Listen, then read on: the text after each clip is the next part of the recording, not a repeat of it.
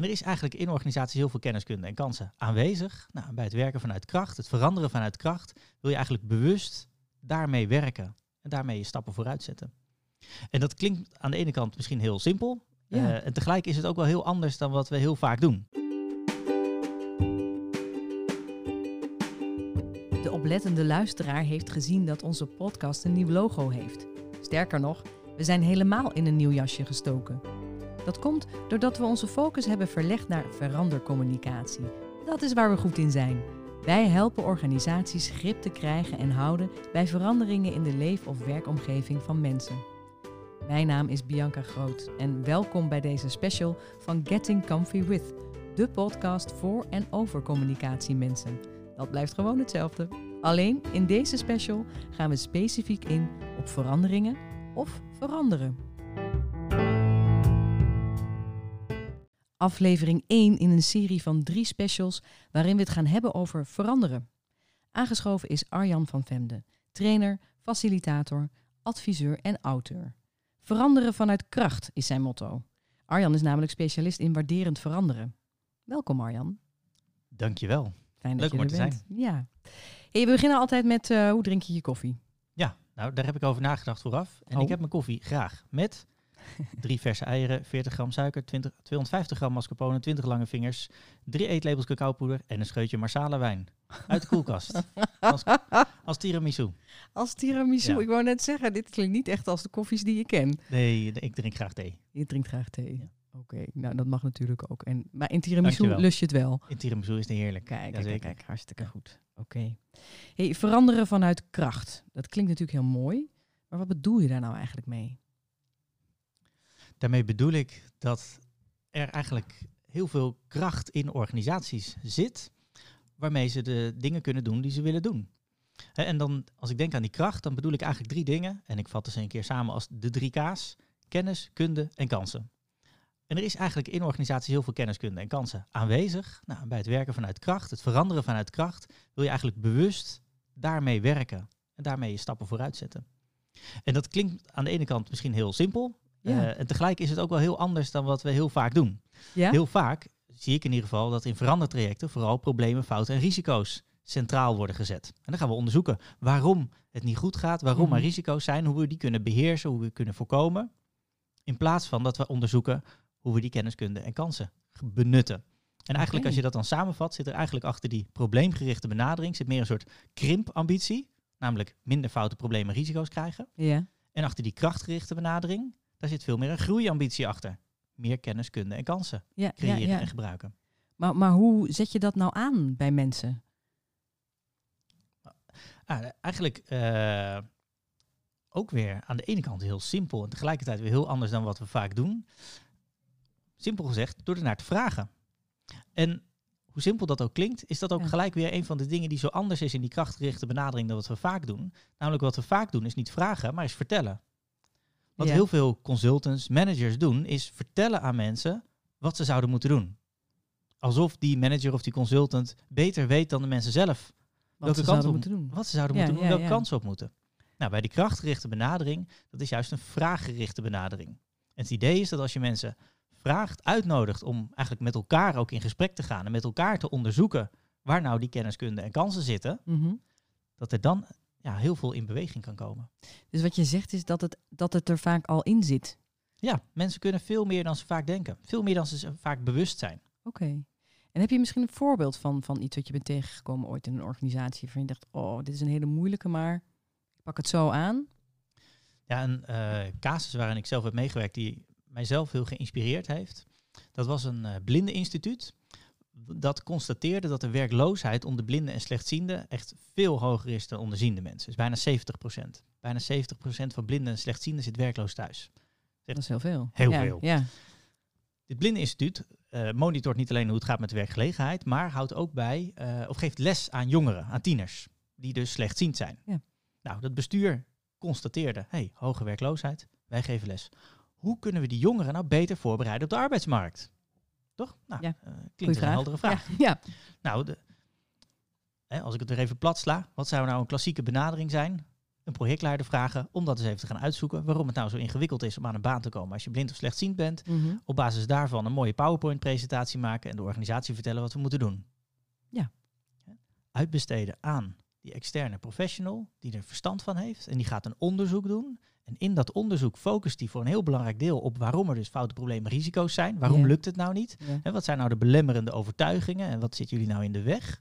En hoe kunnen we dat dan weghalen? Hoe kunnen we nou minder van dat probleem krijgen? Nou, ik heb mogen meedenken over dit eh, traject. Ja. Samen met een projectleider die inderdaad was aangezocht. En eigenlijk min of meer die, die klassieke opdracht kreeg van het bestuur. En we hebben samen zitten sparren over een meer krachtgerichte benadering. Mm. Daarbij hebben we een paar dingen bedacht. Ten eerste, wie heeft er hier iets te leren in dit traject? Mm. Nou, dat was niet deze projectleider, want die kon wel zien en die had al een baan. Ja. Wie heeft er iets te leren? Dat zijn de jongeren. Die moeten leren hoe je aan een baan komt als je niet goed ziet. Ja. Ten tweede, waar kan je nou leren hoe je aan een baan komt als je niet goed ziet?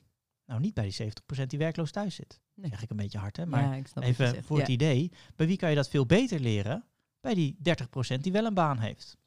Dus vervolgens hebben we een traject opgezet waarbij blinde en slechtziende jongeren op werkbezoek gingen met een handout met, met een vragenlijst bij die 30% om te vragen Oh, Oké. hoe kan het nou dat jij bij de, let op, positieve afwijking hoort. Ja, Dat is ja, eigenlijk ja. waarbij je, waar je naar op zoek gaat in deze krachtgerichte benadering. Positieve afwijkingen.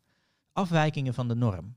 Dus dat, is, dat komt niet eh, elke dag voor en niet bij iedereen, niet overal. En soms zijn het maar deelsuccesjes. Maar je gaat op zoek naar die, nou, ik noem dat lichtpuntjes. Ja, ja, De lichtpuntjes van waar het eigenlijk, ja, die, die, de, de stralende succesjes of successen. Mhm. En gaat kijken van, nou, waarom gaat het nou soms ook goed? En hoe zouden we daar nou meer van kunnen krijgen? ja, ja, ja. En wat kwam er hier in dit specifieke geval uit? Nou, een belangrijk ingrediënt was voor die eh, mensen die wel een baan hebben, was de mindset waarmee ze in hun leven staan. En dan is er een theorie en die heet dat je de groeimindset hebt en je hebt de gefixeerde mindset. Een gefixeerde mindset, dat zijn mensen die zichzelf min of meer slachtoffer ervaren van hun omgeving. Ja. En die denken dat zij zichzelf moeten aanpassen aan hun context. Groeimindset, mensen, dat is meer een attitude waarbij je zegt, ja, die omgeving is zo. En dat vind ik niet leuk. Maar ik ga net zo lang op die omgeving, op mijn, op mijn context drukken, tot ik krijg wat ik wil. Want ik neem er geen genoegen mee. Mhm. En ik ga zelf allemaal nieuwe dingen leren. En mezelf aanpassen tot het weer gaat zoals ik wil dat het gaat. Mhm. Nou, dat was een belangrijk ingrediënt. Ja, ja, ja, ja. Maar wat belangrijker eigenlijk is, is eigenlijk niet eens zozeer dit inzicht, maar dat dit inzicht is verteld door die mensen die een baan hebben en slechtziend zijn Ja? aan die jongeren zelf. En dat zij met elkaar in gesprek waren daarover. Want hè, zoals ik het nu zeg, dat zou weer een theorie kunnen zijn, die weer die slimme Ja. professional Ja. in zijn PowerPoint zou kunnen zetten. Maar ja, dat is niet het eerste hand kennis, zeg maar. Dat is niet Nee. een eerste hands ervaring. En dat, is wat- ook echt wel het ingrediënt misschien wat je nodig hebt absoluut, ja. om in beweging te kunnen Ja. geraken. Ja, Ja. ja. En daarom zeg ik ook bij die krachtgerichte benadering gaat het over om op zoek te gaan naar je eigen kracht, je eigen kenniskunde en kansen. Mhm. En dus eigenlijk niet zozeer op zoek naar de best practices bij de organisatie aan de overkant van de straat. Ja, die neiging is er natuurlijk wel. ja, Ja, ja, ja. Ja. Wat zou je willen zeggen tegen organisaties die in een, in een verandering willen gaan? Eh, wat is nou de tip? Waar begin je dan? En wat we vaak doen, is dat als we denken dat er iets moet veranderen, dat we dus iets nieuws nodig hebben. Ja, Van buiten onszelf. Dan gaan we letterlijk op zoek out of the box. Ja. En dat zijn dus ook best practices van anderen. Is, een best, is, is out of the box, uit onze box. maar ja, het is Ja, ergens ook stelling- logisch, omdat je het niet opnieuw wiel wil uitvinden. En tegelijkertijd, zeg maar, is dus het idee van dat, eh, is mijn idee, en, en zeg maar de overtuiging ook wel, dat er eigenlijk in die box heel veel goed zit. Dus mijn, stel, mijn suggestie is vaak, dat vroeg je is eigenlijk, ga op zoek in de box. Welke kenniskunde en kansen hebben we nou in de box in plaats van out of the box? Ja, ja, ja, ja. En kijk, ik had het over die, eh, die kleine succesjes, die momenten dat het beter gaat dan gemiddeld. ja. En die zijn eigenlijk overal wel. Ja, Ik noem dat vaak lichtpuntjes. Mhm. En lichtpuntjes, dat, ik zie dat voor me als een soort sterretjes die fonkelen aan een donkere hemel. En soms moeten je ogen even aan het donker wennen. Maar als je dan beter kijkt, ja, dan, dan zie je steeds meer sterretjes. Ja, nou, en eigenlijk ja. is het denk ik ook zo in heel veel organisaties en teams. Als je op zoek gaat naar de lichtpuntjes van succes, dus de momenten dat het beter gaat. En dat je eigenlijk, dat het gaat zoals je zou willen dat het gaat. Ja, die zijn er ook. ja, en niet altijd, niet elke dag, en niet bij iedereen. Maar soms wel. er wel. Soms wel. En, en op die dagen wel. En bij die personen wel. En, en uiteindelijk heeft iedereen zijn lichtpuntjes. Nou, ja, en die krachtgerichte benadering gaat dus veel meer over om daar ja, bewust naar op zoek te gaan. En daar veel bewuster gebruik van te maken. In plaats van out of the box in één keer over al die lichtpuntjes heen te stappen en te doen alsof ze er niet zijn. Ja, want dan, dan zeggen mensen vaak, eh, dan krijgen we ze mee. Ja, dan krijg je natuurlijk niemand mee. Als je... Je doet veel meer recht aan mensen in organisaties. Eigenlijk zit daar mijn idealisme. Moet Ja, ik ja, ja, ja. ik geloof echt dat je mensen veel meer recht doet door het te werken vanuit ook het vertrouwen dat er dus dingen goed gaan. Dat mensen dingen kunnen. Dat mensen kennis hebben die van nut is voor de, de, de ontwikkelingen waar we in zitten. Mhm. In plaats van daar zomaar aan voorbij gaan. Voor mij is een belangrijk thema daarin eigenlijk de waardigheid tussen mensen onderling. Mhm. En is dit dus een, die, die krachtgerichte benadering is een, een benadering vanuit vertrouwen in de vermogens van mensen. En het feit dat het er dus allemaal al in zit. Zowel Ja. in de mens als, Ja. als in de organisatie. Ja, absoluut. Ja. Ja. Ben je ook wel eens tegengekomen dat het niet zo was? Dat je denkt, nou, dit is... Nee, nee, nee, Nee, nee, nee. Maar kijk, wat ehm, belangrijk daarbij is, ik heb het over eh, afwijkingen van de norm. Afwijkingen van wat normaal is, positieve afwijkingen. Ja, ja, ja. Dat betekent niet dat je met die lichtpuntjes alleen op zoek bent naar achters en negens of tienen op het rapport. Mhm. Kijk, iemand die eh, een, eh een 4 staat voor wiskunde. Ik gebruik vaak voorbeelden van je kinderen op school. hè. Ja, ja, ja. Je staat een 4 voor wiskunde, dan is een 5 een positieve afwijking. Ja. Hè, de waarderende benadering is dan dat je hè, de, de waardering hebt voor dat wat, eh, wat Er goed is. zeg Ja, maar. ja, de- ja. De, waarde wil zien. Is dat je op zoek gaat naar hoe kan het nou dat je een 5 hebt gehaald. En hoe zou je dat vaker kunnen krijgen? Ja, Nou, ja. en dan trek je de norm op. precies, precies. Wel een mooie, mooi uitgangspunt. Ja, ja. En, Kijk, mag ik nog aanvullen? Jazeker, Ja? graag. Het, is, ehm, het is makkelijker gezegd dan gedaan. Ja, Want ik denk dat eh, een belangrijke vaardigheid voor consultants, en dus ook managers en beleidmakers en projectmanagers, is eigenlijk dus het vermogen om die lichtpuntjes te herkennen Mhm, en in een organisatie bespreekbaar te maken. Om Oké. die, die werkbaar te maken. mhm. Hè, want heel veel mensen die dus iets willen veranderen, die gaan eigenlijk daaraan voorbij. Die denken van ja, het ontbreekt hier aan goede dingen, en daarom hebben we iets nieuws nodig. ja, ja, ja, ja. Nou, om dan toch weer het vermogen hebben om te zien dat er ook wel dingen wel goed gaan. En te snappen hoe je die ja, eh, bruikbaar kan maken Ja. om meer van het goede te krijgen. Ja, dat is dus de kunst. En ja, zeker. Want hoe, wat zou je managers willen meegeven daarin of leidinggevende om, om die lichtpuntjes te gaan zien? Waar begin je dan? Ja, ik denk dat het uiteindelijk begint bij jezelf. Ja? Eh, en het, in, in ieder geval het, het vertrouwen hebben. Het, het vermoeden, het vertrouwen dat het er waarschijnlijk is. Als je vanuit die attitude al een gesprek ingaat, waarschijnlijk kan mijn collega het. Waarschijnlijk weet hij meer dan ik nu denk. Misschien wel weet hij wel meer dan hij zelf weet. Dan hij zelf bewust is. Ja, ja. Nou, en, dan, eh, en dan de vraag stellen. Dus niet gaan vertellen, je kan meer. Nee, is het niet zo dat jij meer kan? Het is net een, een, een klein kind wat vraagt of hij zijn fetus kan strikken. Terwijl hij het eigenlijk al kan. Ja, ja. En, en hij vraagt het nog steeds, dus misschien is hij het even vergeten of hij heeft er even geen zin in. En eigenlijk is de valkuil om dan steeds weer die fetus te blijven strikken Ja. van zo'n kind. En eigenlijk is een manager of een team die hulp vraagt aan een consultant, zijn niet, ook niet een beetje als dat kind wat vraagt, kan je mijn fetus strikken? Ja, het klinkt wel een beetje erg, maar je hebt wel gelijk. Ja. Nou ja, het, Kijk, het, het, het ingewikkelde aan mijn benadering is ook dat het eigenlijk niet heel commercieel is per se. Nee? Nou, je, kijk, eigenlijk iedereen wordt er blij van als eh, je moeder je fetus de hele tijd strikt. Ja. En ook voor die manager en dat team is het hartstikke fijn als die externe Ja. professional komt helpen en, en daar fetus komt strikken en allemaal dingen voor je komt doen. En voor die professional is het ook hartstikke fijn dat hij al zijn creativiteit en al zijn kennis en zijn uren kan schrijven. Ja. En tegelijkertijd blijf je in een model zitten waarbij je voorbij gaat aan de, het eigen vermogen, zeg maar, het zelfsturend vermogen, de- het eigen probleemoplossend vermogen van al die mensen in die organisatie. Want wat brengt het dan als je dat wel allemaal aanzet? Ik vind het mooier, eerlijker. Je, Mhm. je spreekt iemand aan op zijn eigen probleemoplossend vermogen. Ja. Hè, dus op, op de korte termijn. wat- eigenlijk wat het oplevert is meer eigenaarschap. Omdat Mhm. mensen dus zelf aan de slag gaan met hun eigen vraagstukken. Dat ze iets gevraagd wordt in plaats van dat iets, iets verteld wordt. Dus dat- Mhm. doordat ze iets gevraagd wordt, gaan ze zelf nadenken. Raken ze met elkaar in gesprek. Dat is eigenaarschap. Ehm, en mensen leren ook dit soort vraagstukken tackelen met elkaar. Ja, ja. Dus je, je, je volwassenheid van je organisatie als geheel. Gaat naar, Naar een een ander niveau. Ja, ja. precies. En, en eh, brengt dat ook nog eh, meer werkgeluk? Dat wil ik graag hopen. ja, dat is wel wat je om je heen ziet gebeuren, denk ik, of niet? Ja, nee, eh, mensen voelen zich serieus genomen. En dat vind ik zo belangrijk. als, als volwassen professionals. In plaats van als kinderen aan wie verteld wordt Hoe ze hun wat ze... wetens moeten strikken. Juist. Ja, ja. Ja. precies. En dit principe eh, waarderend veranderen, is dat, eh, geldt dat hetzelfde in organisaties als voor individuen? Want ik weet dat jij ook trainingen voor individuen geeft, of coaching ook zelfs. ja. Het- Is, dat, het- is het principe hetzelfde? Ja, de principes, de, de uitgangspunten zijn heel erg vergelijkbaar. Mhm. De werkvormen zijn anders. Met, Ja? een, nou, met een individu, dat, lijkt, dat heb je meer een coaching, één op één gesprek. Ja, ja. En ehm, kijk, mijn hoofdwerk zit in het werken met groepen en organisaties. Mhm. En dan gaat het dus heel erg over de dialoog tussen die mensen. Ja, ja.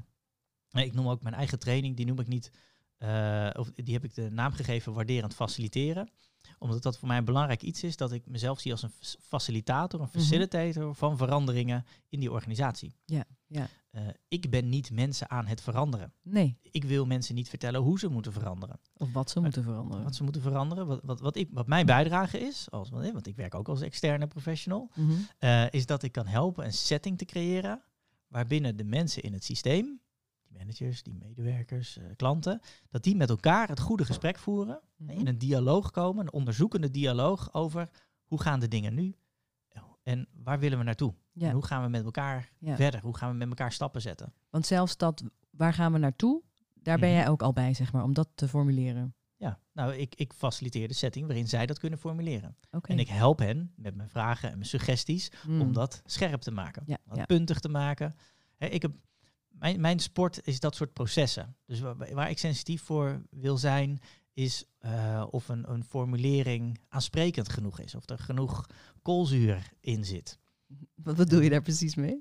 Nou, dat een, een, ehm, eh, een, een, een, een future statement, zeg maar, een soort, soort toekomstvisie, waar willen we naartoe? Ja, daar moet een beetje koolzuur in zitten. Dat moet sprankelend zijn. Daar, Ah. daar moeten mensen op aanslaan. Ja, ja, weet je? En, ja. en dat moet niet platgeslagen zijn met, met smart eh, formuleringen waar al het leven uit is. Juist Ja. niet, zeg maar. Hè, dat, eh, je moet wel je werkafspraken, dus je, je acties en afspraken die je maakt, die moeten smart zijn. Ja, ja, Maar je toekomstvisie, die moet juist meer energetisch zijn. Daar moet, daar moet iets in vlammen ja, ja, of bruisen, hoe je het ook noemen wil. precies, precies. Maar je ziet toch vaak nog wel gebeuren dat dat er dan niet is. Er wordt iets geformuleerd wat helemaal niet vanuit de organisatie zelf komt. Ja, daar was ik dan niet bij Dan was jij daar niet Dat is een goede inderdaad, ja. Ehm, waar komt jouw fascinatie eigenlijk vandaan op, op dit onderwerp? Ja. Ehm, en misschien een deel is frustratie Oh. over hoe ik zelf ben aangesproken. Zeg maar. Als ik zelf Ja, ja. deelnemer was en dat ik om me heen mensen zag die- waarvan ik dus vond dat ze mij of anderen enigszins kinderachtig aansproken. Mhm. eh, vertelden wat we moesten doen in plaats Ja. van dat het gevraagd werd. Dat is een deel. En het andere deel eh, heeft te maken met dat. Ja, dat gaat eigenlijk, hè, wat ik zeg, in mijn, in mijn benadering werk ik niet vanuit een methode of een vaste theorie, maar het zijn meer ja, principes. Het is meer een soort filosofie, een soort, Ja. soort eh, levenshouding misschien. Mhm. Ehm, en ehm, die gaat over de vraag: wat is nou uiteindelijk, eh, hele grote vraag, de waarheid? Eh, en waarbij ik denk dat iedereen heeft zijn eigen beleving van de waarheid. Het is een soort, hè, hoe we de- de, wereld om ons heen ervaren, is een soort spel van betekenisgeving die tussen onze oren plaatsvindt. Precies. Voor, de kenners wordt dit soms genoemd sociaal constructionisme. Mhm. Mijn achtergrond is, ik heb een, een beetje een aparte achtergrond. Ik ben ooit goochelaar geweest. Ik heb heel veel opgetreden op feesten Oh, en ja. partijen, in de theaters gestaan. Maar ik het was een beetje anders dan veel andere goochelaars. Ik zat in een soort niche van goochelaars die zich verdiepten in de filosofie achter magie en illusie. Oké. Eh, en dus niet alleen maar met, ik was ook met vingervlugheid bezig, maar Maar daar zit een Het ook- filosofie achter. Nou, voor, voor de liefhebbers. En dat is maar een heel klein groepje in de wereld die dat leuk vindt. Ja. Ehm, maar dan gaat eigenlijk illusie, dat gaat over waarneming en perceptie. En, en dus ook zinsbegoochelingen. Mhm. Eh, Kan ik, eh, ja, zie ik wel wat ik zie of zie ik vooral mijn, mijn gedachten over die wer- werkelijkheid?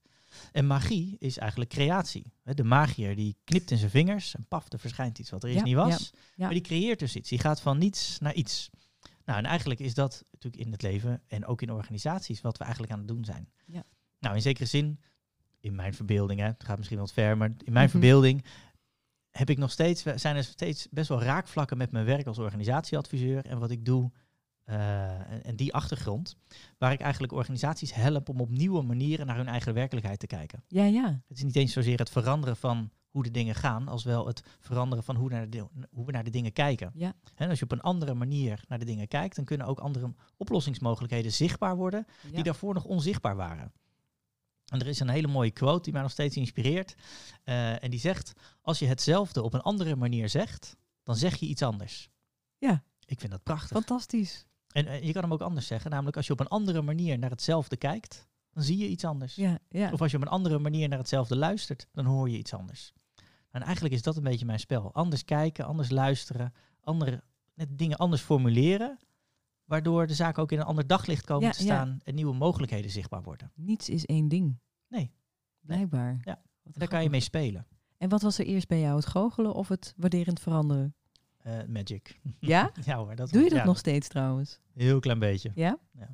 Ik heb, ik heb het heel veel gedaan. Ik ben eh, een paar jaar geleden helemaal gestopt met optreden op feesten en partijen. Gewoon ook om op mijn werk hier helemaal te kunnen concentreren. Ik vind dit ontzettend leuk. Ik geef veel trainingen. Ja. eh, onder andere over appreciative inquiry, waarderend onderzoeken. En ehm, eh, geef mijn eigen training waarderend faciliteren. Wat veel meer nog gaat over het werken met groepen. Mhm. En waarin ik gebruik maak van een hele brede waaier aan inspiratiebronnen.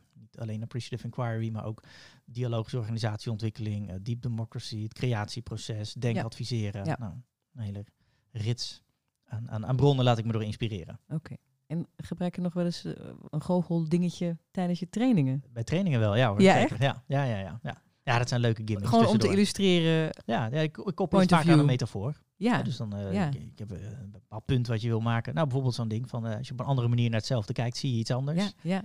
Nou, dat maak je dan wel duidelijk. Dat kan ja. ik heel duidelijk maken. Ja. Ja. Wat mooi, mooi. En wanneer is jouw missie geslaagd?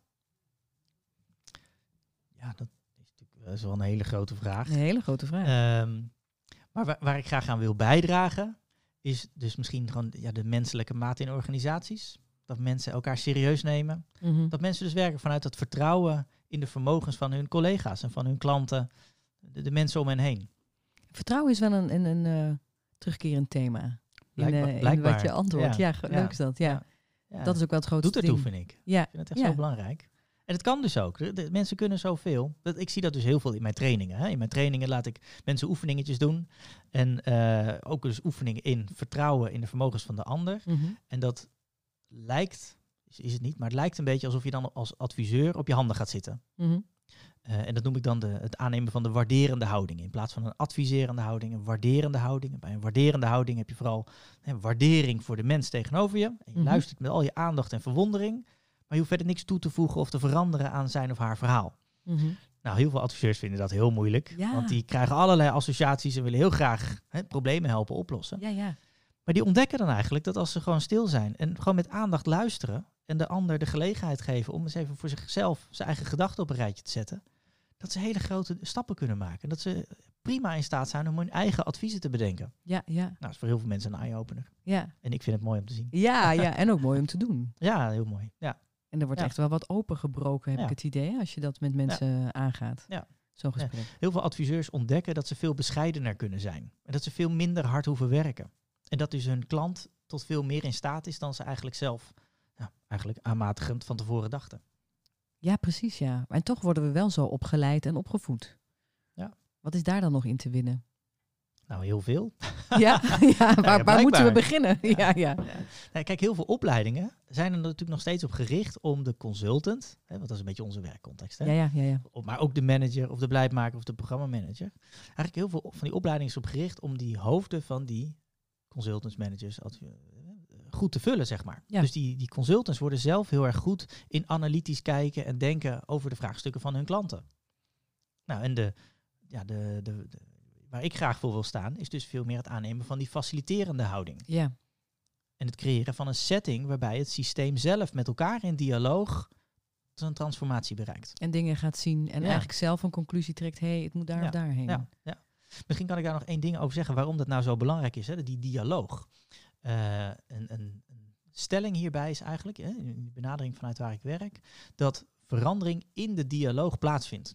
En daarin kan het soms afgezet worden tegen een wat andere benadering. En er is een, eh, een Amerikaanse auteur, Gervais Bush, die heeft hier interessant over geschreven. Die maakt onderscheid in twee benaderingen. Die, de ene noemt hij diagnostische benaderingen En het andere noemt hij dialogische benaderingen. Oké. Nou, ik ben thuis bij die dialogische. Mhm. Eh, en het verschil is dat bij de diagnostische benadering de diagnose van het vraagstuk eigenlijk centraal staat. Ja. Alsof dat, te, alsof dat te diagnosticeren is. Alsof er één diagnose te stellen is van het vraagstuk. Alsof er één waarheid is die in de regel top-down bepaald kan worden. Ja, ja. Bij de dialogische benadering staat de dialoog rondom het vraagstuk tussen alle belanghebbenden centraal. Mhm. Nou, en waarbij je, waar je bij de diagnostische benadering eigenlijk een soort scheiding krijgt tussen denken en doen. Namelijk je gaat eerst nadenken, diagnose stellen, Ja, onderzoek en erover praten. En op een gegeven moment zeg je stop met nadenken, we gaan nu doen. En dat zijn vaak ook verschillende mensen. We hebben de denkers, die gaan nadenken, de adviseurs. En we hebben de doeners, dat is gewoon de mensen die ermee moeten werken. Mhm. Die moeten het doen. Nou, bij de dialogische benadering zie je veel meer een menging van die denkers en die doeners. En ook de fase van denken en doen gaat veel meer door elkaar heen Ja, lopen. ja. Die, die dialoog is transformatief, omdat daar verschillende mensen met verschillende zienswijzen met elkaar in gesprek raken. Die verschillende zienswijzen, die, daar ontstaat een kruisbestuiving tussen. Nou, Ja. en daardoor gaat iedereen als het ware verrijkt met nieuwe zienswijzen die dialoog uit. Ja, ja. En waarop baseren we ons gedrag? Op hoe we denken over de dingen. Ja. En daarom zie je dus eigenlijk in die dialogische benadering, verandering van denken leidt tot verandering van gedrag. Oké, En gedragsverandering is een gevolg van de gedachteverandering eigenlijk. Precies. En als je is al niet met elkaar... aangestuurd top-down, maar dat doen mensen dus zelf. Met elkaar. Ja. En het begint, die transitie begint al op het moment dat je eigenlijk in gesprek gaat met elkaar. Vanaf de allereerste Ja, ja. vraag. Ja. daar wordt dus ook heel veel nadruk gelegd op wat, welke, ja, wat zijn de allereerste vragen die je stelt. Ja. Wat voor soort gesprek gaan we hier met elkaar hebben? Ja, ja. Wat maakt het dan toch nog zo moeilijk voor organisaties om daar toe te komen? Heb je daar enig idee bij? Ja, dit- wat ik zie is dat eh, hè, de probleemgerichte benadering is eigenlijk heel natuurlijk. Voor de hand liggend. Hè, zo, zo zijn we allemaal opgevoed met een Mhm. rode pen in de hand die aanstreepte wat we verkeerd deden. Mhm. En het is misschien ook wel heel begrijpelijk. Hè, want de dingen die niet goed gaan, die doen pijn. En Ja. daar ben je bang voor, die Ja. wil je kwijtraken. Daar ben je eigenlijk niet naar kijken. Nee. De waarderende benadering, de krachtgerichte benadering, hè, waarin kenniskunde en kansen dus centraal staan, eh, die zou je in zekere zin misschien wel wat eh tegennatuurlijk kunnen noemen.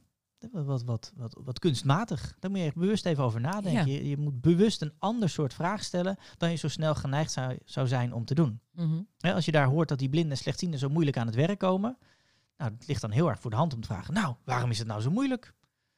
In plaats van, hé, hey, er zijn er ook een paar die het wel lukt. Ja. Waarom lukt het Wat hun wel? gebeurt daar? Ja, precies, precies.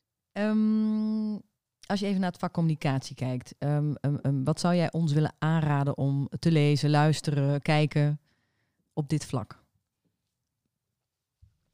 Ja, ik ben eh, dus eigenlijk fan van wat ik net noemde, dat dialogische organisatieontwikkeling.